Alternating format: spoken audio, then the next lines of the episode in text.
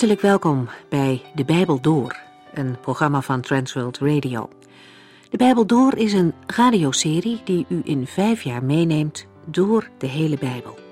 Van Genesis 1 tot Openbaring 22.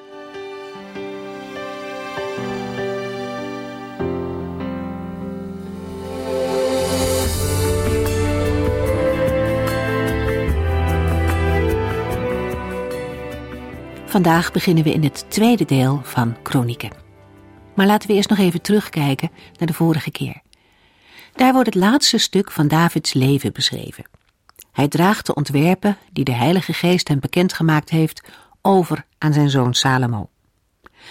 David heeft zowel voor de voorbereiding van de tempelbouw als voor de eredienst een enorme hoeveelheid werk verzet. Hij heeft rijkdom verzameld om alles aan de Heere te kunnen geven, om de Heere een zo mooi mogelijke woonplaats te kunnen bieden. Het was voor hem geen verplichting, maar het was een verlangen van zijn hart. David was blij met alles wat hij aan de Heere kon geven. Ook uit zijn privébezit gaf hij veel voor het huis van God. Veel mensen uit het volk volgden zijn voorbeeld en gaven vrijwillig hun rijkdom aan de Heere. Het is een tijd van grote blijdschap. De vrijwillige gaven en de toewijding in hun harten maakten de mensen heel gelukkig. David barst in een lofprijzing uit en zegt daarin: We hebben alles van u gekregen en we geven het nu aan u. Hij bidt dat deze gezindheid blijvend mag zijn in de harten van de mensen.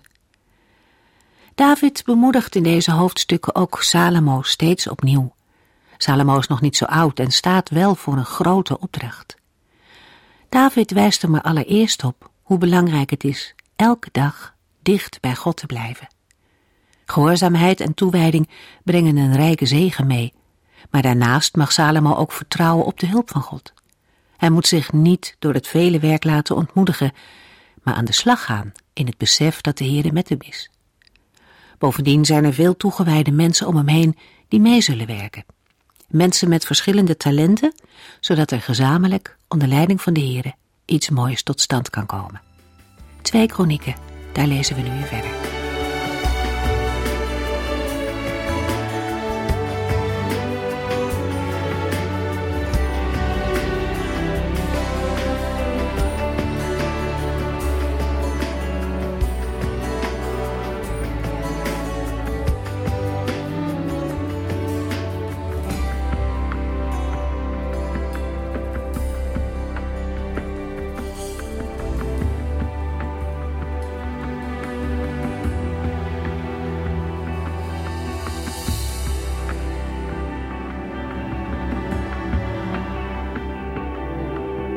Eén Kronieken eindigde met de dood van David. In één Kronieken was vrijwel alle aandacht gericht op koning David. In tegenstelling tot de beschrijving in 2 Samuel zijn Davids zonden in 1 Kronieken nauwelijks vermeld. David is in Kronieken veel meer de godvrezende koning die daarom rijk wordt gezegend. De zegen bestaat uit talrijke militaire overwinningen waardoor hij heerser van een immens koninkrijk wordt en over fabelachtige rijkdommen beschikt. Maar deze zegeningen gebruikt hij niet voor eigen voordeel, maar stelt ze beschikbaar voor de bouw van de tempel. Zelf mag hij de tempelbouw niet uitvoeren, maar hij bereidt alles voor. Hij geeft een groot deel van zijn rijkdom, motiveert het volk om vrijwillig een deel van hun overvloed af te staan en stelt Salomo, de toekomstige tempelbouwer, voor aan het volk. In de periode na de ballingschap, de tijd waarin kronieken werd geschreven, moet deze beschrijving van David sterk hebben aangesproken. In die periode bestond immers aandacht voor de verbetering van de tempeldienst en voor een sterkere gerichtheid op de Here. Tevens zal het beeld van de schatrijke koning David die zijn rijkdommen beschikbaar stelde voor de eer van God, het verlangen naar een nieuwe David hebben gestimuleerd. Enkele eeuwen later kwam de Heer Jezus in de gestalte van een dienstknecht, maar hij zal in de toekomst komen als koning der koningen. Hij was en is als geen ander gericht op God, zijn Vader. In het Bijbelboek 2 Kronieken gaat Salomo aan de slag.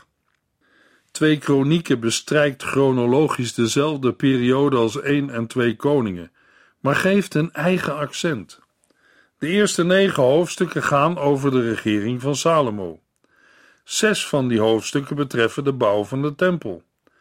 Daarmee is duidelijk waarop de Heere de nadruk legt. De bouw van de tempel was Salomo's grootste prestatie. Veel mensen denken vaak aan zijn grote wijsheid of de vele vrouwen die hij had, maar dat is niet waar de Heere de nadruk op legt. Vanaf 2 Kronieken 10 tot het einde van het Bijbelboek is het koninkrijk Israël verdeeld. We hebben in het Bijbelboek Koningen gelezen dat na de scheuring van het rijk er veel koningen regeerden. De meeste van hen vertrouwden niet op de Heer en deden wat kwaad was in zijn ogen.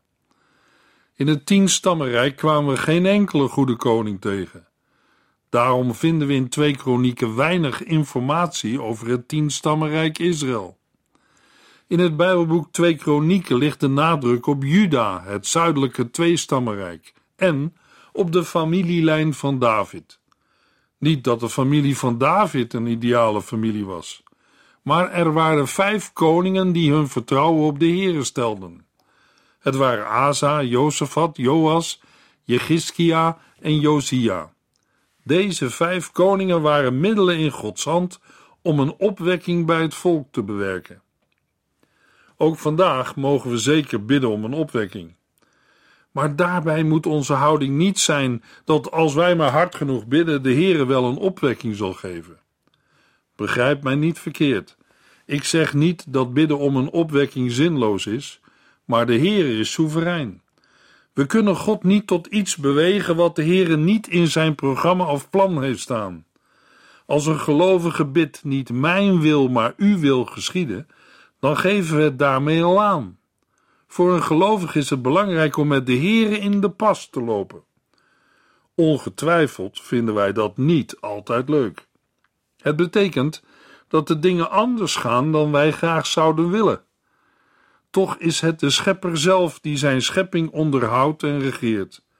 Wij mensen kunnen de Heere niet ter verantwoording roepen, andersom wel. En dat zal ook gebeuren. De apostel Paulus schrijft in Handelingen 17 vers 31 want hij heeft een dag vastgesteld waarop hij rechtvaardig over de mensheid zal oordelen, door een man die hij daartoe heeft aangewezen.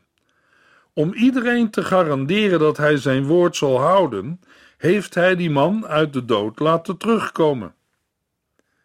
Wie die man is? Jezus Christus. Ook een geestelijke opwekking komt omdat de Heere die geeft en past in zijn plan. Daarbij komt dat een opwekking er op verschillende manieren kan zijn. Wij moeten leren buigen voor de wil van de Heere, in diepe verbondenheid met Hem leven en ons aan Hem toewijden naar geest, ziel en lichaam. We moeten luisteren naar het woord van God. Daarom willen wij ook graag het woord van God uitdragen. Ook voor een opwekking geldt Zacharia 4 vers 6. Niet door kracht of geweld, maar alleen door mijn geest, zegt de Heere van de hemelse legers. De schijnwerper van twee kronieken is gericht op de koningen die in de stamboom van David voorkomen. In het bijzonder treden vijf koningen op de voorgrond die tijdens hun regering een periode van opwekking, vernieuwing en reformatie meemaakten. Het Bijbelboek 2 Kronieken eindigt met het edict van koning Cyrus. Na de 70 jaar ballingschap beweegt de Heere hem ertoe om de volgende oproep door zijn hele land te laten gaan. Over de periode van de ballingschap zelf wordt in 2 Kronieken geen verslag gedaan. 2 Kronieken 36 vers 23 Ik, Cyrus, koning van Perzië, kondig hierbij aan dat de Heere, de God van Israël, die mij alle koninkrijken op aarde heeft gegeven, mij heeft opgedragen de tempel in Jeruzalem te herbouwen. Alle Joden in mijn rijk mogen terugkeren naar Jeruzalem en moeten helpen bij de herbouw van de tempel van de Heere, de God van Israël, die in Jeruzalem woont. Mogen de Heere God met u zijn. We gaan in het eerste hoofdstuk lezen.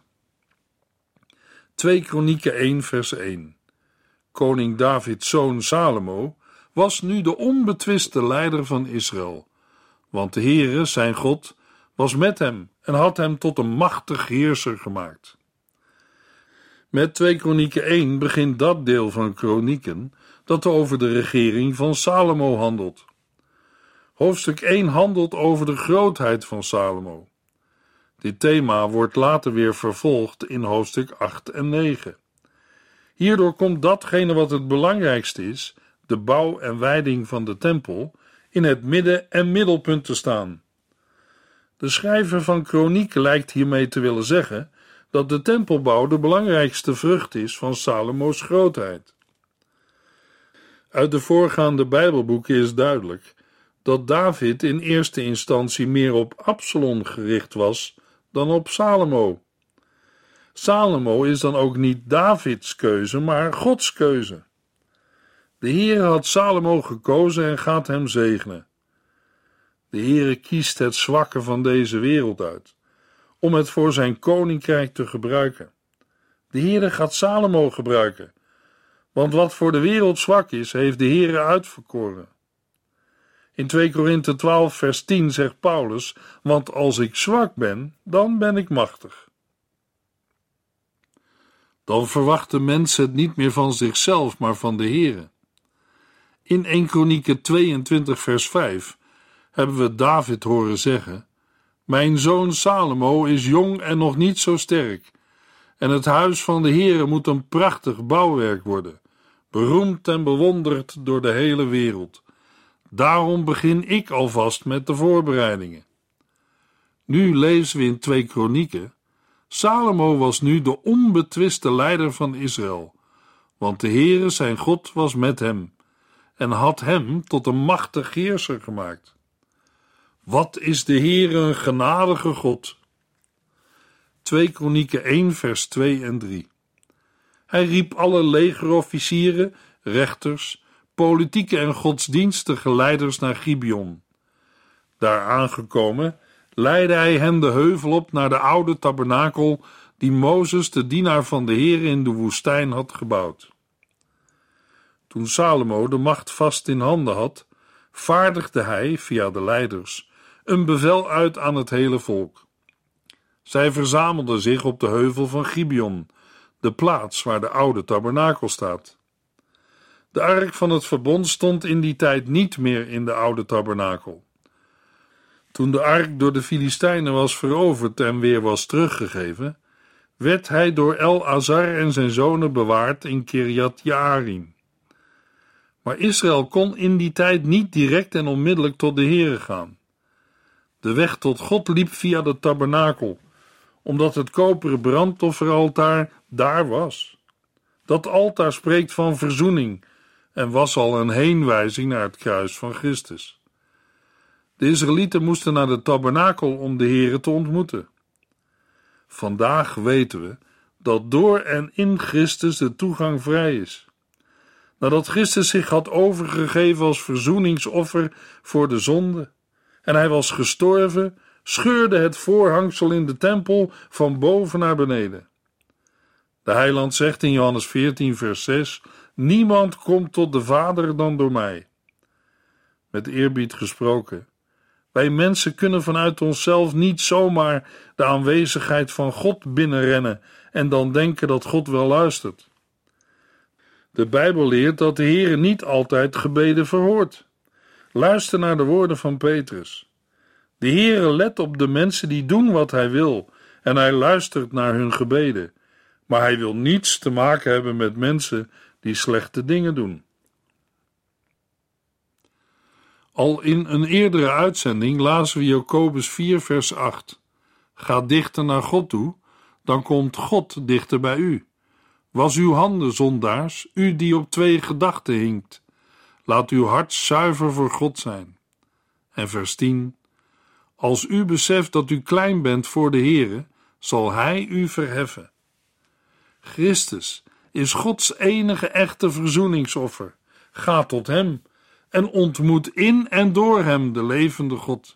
Hij is de weg, de waarheid en het leven. 2 Kronieken 1, vers 4 tot en met 6. In Jeruzalem bevond zich een nieuwe tabernakel die koning David bouwde voor de ark toen hij deze uit Kirjat Jearim had gehaald. Het koperen altaar dat Bezaliel, een zoon van Uri en kleinzoon van Geur, had gemaakt, stond nog steeds voor de oude tabernakel. Op die plaats verzamelde Salomo en al de mannen die hij had uitgenodigd zich, en hij bracht daar brandoffers aan de Heere. David had de ark uit Kirjat Jearim laten halen en naar Jeruzalem gebracht, waar David een nieuwe tabernakel had laten bouwen. Het koperen brandofferaltaar is het altaar dat voor de grote plechtigheden gebruikt moest worden. In twee kronieken staat het nog in Gibeon bij de oude tabernakel. Het altaar is in de tijd van Mozes door Bezaliel gemaakt. Salomo verzamelde al de mannen die hij had uitgenodigd bij de oude tabernakel om de Here te raadplegen. Salomo offert op het koperen brandofferaltaar, volgens de Hebreeuwse grondtekst, duizend brandoffers. 2 Kronieken 1 vers 7 tot en met 9 Die nacht kwam de Heere bij Salomo en zei, Vraag mij wat u maar wilt en ik zal het u geven. Salomo antwoordde, O God, u bent goed geweest voor mijn vader David en u hebt mij nu het koningschap gegeven. Ik heb al meer dan genoeg, want u bent uw belofte aan mijn vader David nagekomen en hebt mij koning gemaakt van een volk dat zo talrijk is als het stof van de aarde. Nadat Salomo en de leiders van het volk de Heere hebben aangeroepen, antwoordt de Heere de koning in een verschijning. Daarin vraagt de Heer aan Salomo wat hij graag van de Heere zou willen ontvangen. Salomo leidt zijn antwoord in door te wijzen op de zegen die de Heer op David heeft laten rusten. Ook heeft de Heere hem gekozen om na David koning te worden. Salomo eert de Heere en verbindt zijn eigen koningschap met de eer van God. Het volk waarover hij is aangesteld vergelijkt hij met het stof van de aarde. Het is niet te tellen. De belofte aan Abraham in Genesis 13. De Heer heeft zijn woord gehouden. 2 Kronieken 1 vers 10. Geef mij daarom wijsheid en inzicht, zodat ik dit volk goed kan regeren. Wie zou immers helemaal op eigen kracht een volk kunnen besturen dat zo groot is als dit volk van u? Salomo's vraag is uitgebreider te vinden in 1 Koningen 3. In Koningen vraagt Salomo om een verstandig hart. In vers 10 gaat het om wijsheid en inzicht. Met wijsheid wordt hier de bekwaamheid of vaardigheid om juiste besluiten te nemen bedoeld. Met inzicht kan het om concrete kennis van zaken gaan. Maar het lijkt waarschijnlijker dat Salomo hier doelt op begrip en inzicht in moeilijke situaties. Het woord regeren omvat zowel rechtspraak als algemeen bestuur. Salomo vraagt verstandige dingen aan de Heere. Maar, luisteraar, heeft u zich wel eens afgevraagd hoe Salomo op de gedachte is gekomen om wijsheid en inzicht te vragen? Een spoor van het antwoord vinden we in 1 Kronieken 22. David zegt daar: Ik had graag zelf een huis willen bouwen ter ere van de Heere mijn God. Maar de Heere zei dat ik dat niet moest doen. De Heere zei tegen David: U hebt te veel mensen gedood in grote veldslagen. Ik heb gezien hoe u de grond rood hebt gemaakt van het bloed. Daarom bent u niet geschikt om mijn huis te bouwen. In 1 Kronieken 22, vers 11 en 12 zegt David tegen Salomo: Daarom, mijn zoon, bid ik dat de Heere met je is en hij je voorspoed zal geven en dat je zult doen wat hij je heeft opgedragen en het huis van de Heere zult bouwen.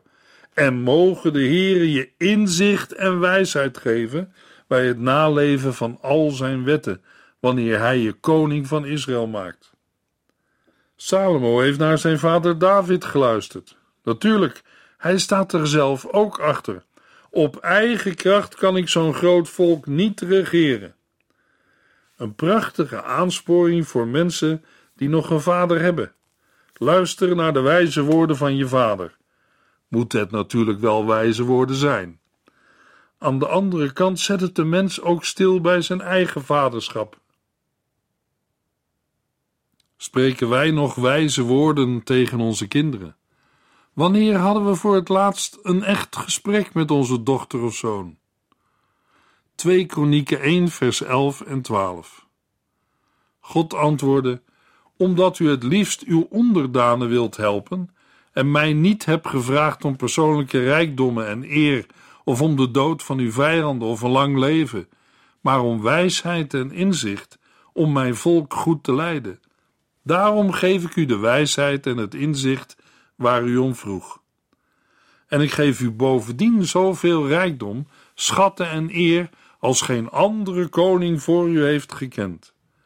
Nooit meer zal op aarde zo'n grote koning regeren. De Heere antwoordt positief op Salomo's vraag.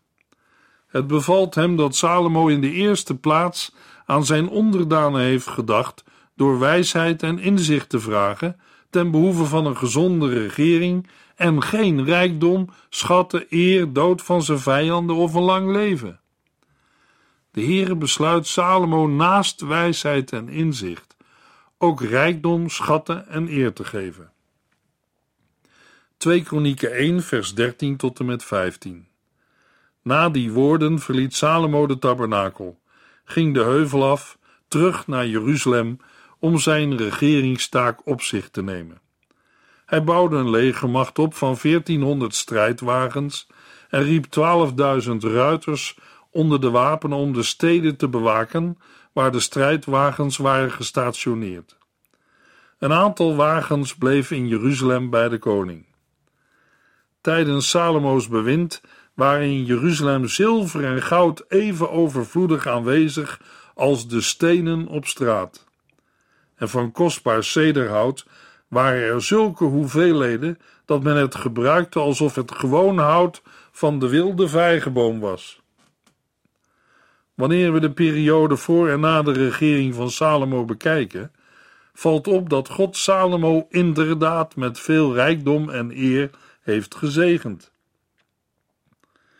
De roem van Salomo reikt zelfs tot verre koninkrijken en strekt de naam van de Heere tot eer. Ook de wijsheid van Salomo is befaamd. Hij neemt juiste beslissingen als rechter, componeert veel liederen en spreuken en wordt in verre landen geëerd. Salomo vroeg de wijsheid met als doel het volk te regeren. In het begin heeft hij dat zeker goed gedaan, maar later nam Salomo beslissingen die het land verscheurden. Hij liet zich verleiden door zijn buitenlandse vrouwen en bouwde altaren voor hun goden.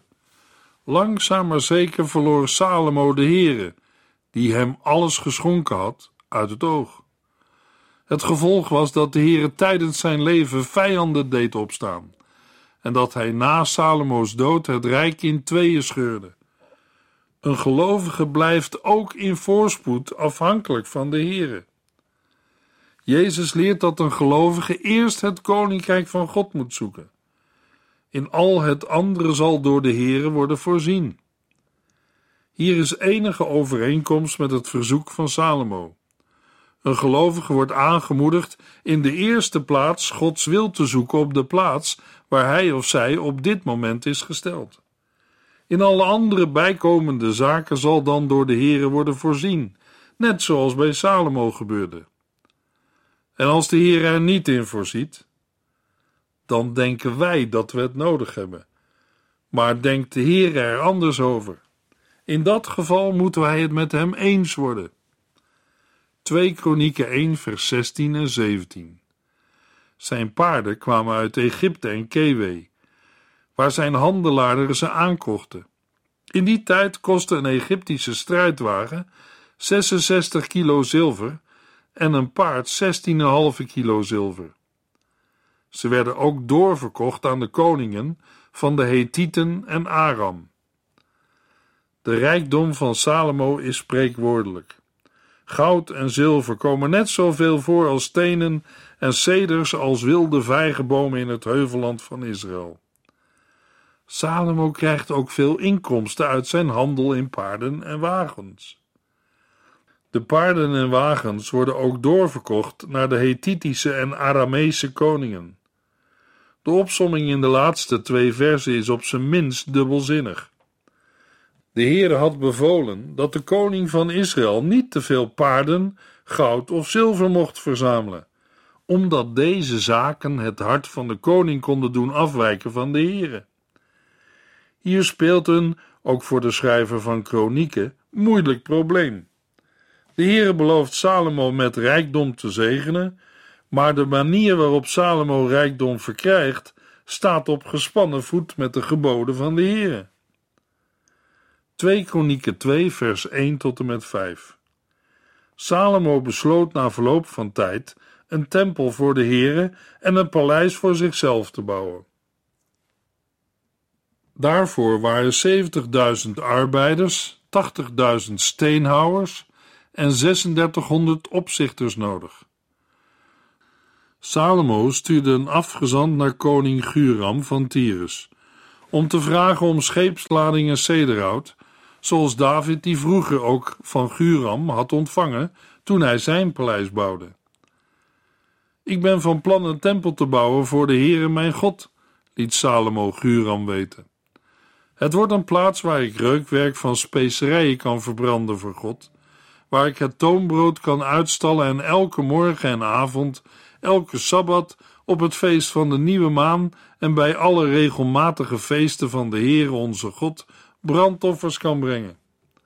Want God verlangt van Israël dat het deze speciale gelegenheden viert. Het wordt een prachtige tempel, want onze God is groter dan alle andere goden. In de volgende uitzending lezen we 2 Kronieken 2 vers 6 tot en met 5 vers 2.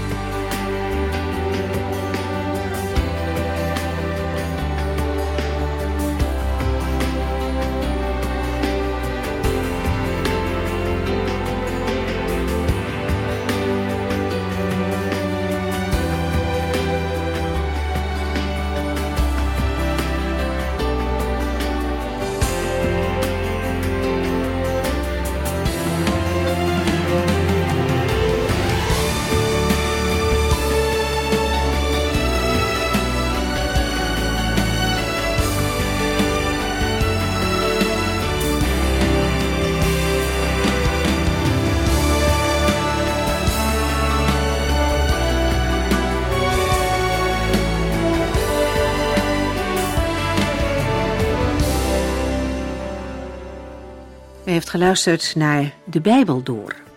In het Nederlands vertaald en bewerkt door Transworld Radio. Een programma waarin we in vijf jaar tijd de hele Bijbel doorgaan. Als u wilt reageren op deze uitzending of u heeft vragen, dan kunt u contact met ons opnemen. Tijdens kantooruren kunt u bellen op 0342 47 8432. 0342 47 8432. 32. Ook kunt u een e-mail sturen naar de Bijbel door transworldradio.nl en natuurlijk kunt u ook via de post ons bereiken. TWR, postbus 371, postcode 3770, AJ in Barneveld. Dit programma werd gepresenteerd door Cor Weda en Ike André. Techniek was in handen van Odin van Woerdekom. En wij allemaal bedanken u voor het luisteren. Graag tot de volgende keer.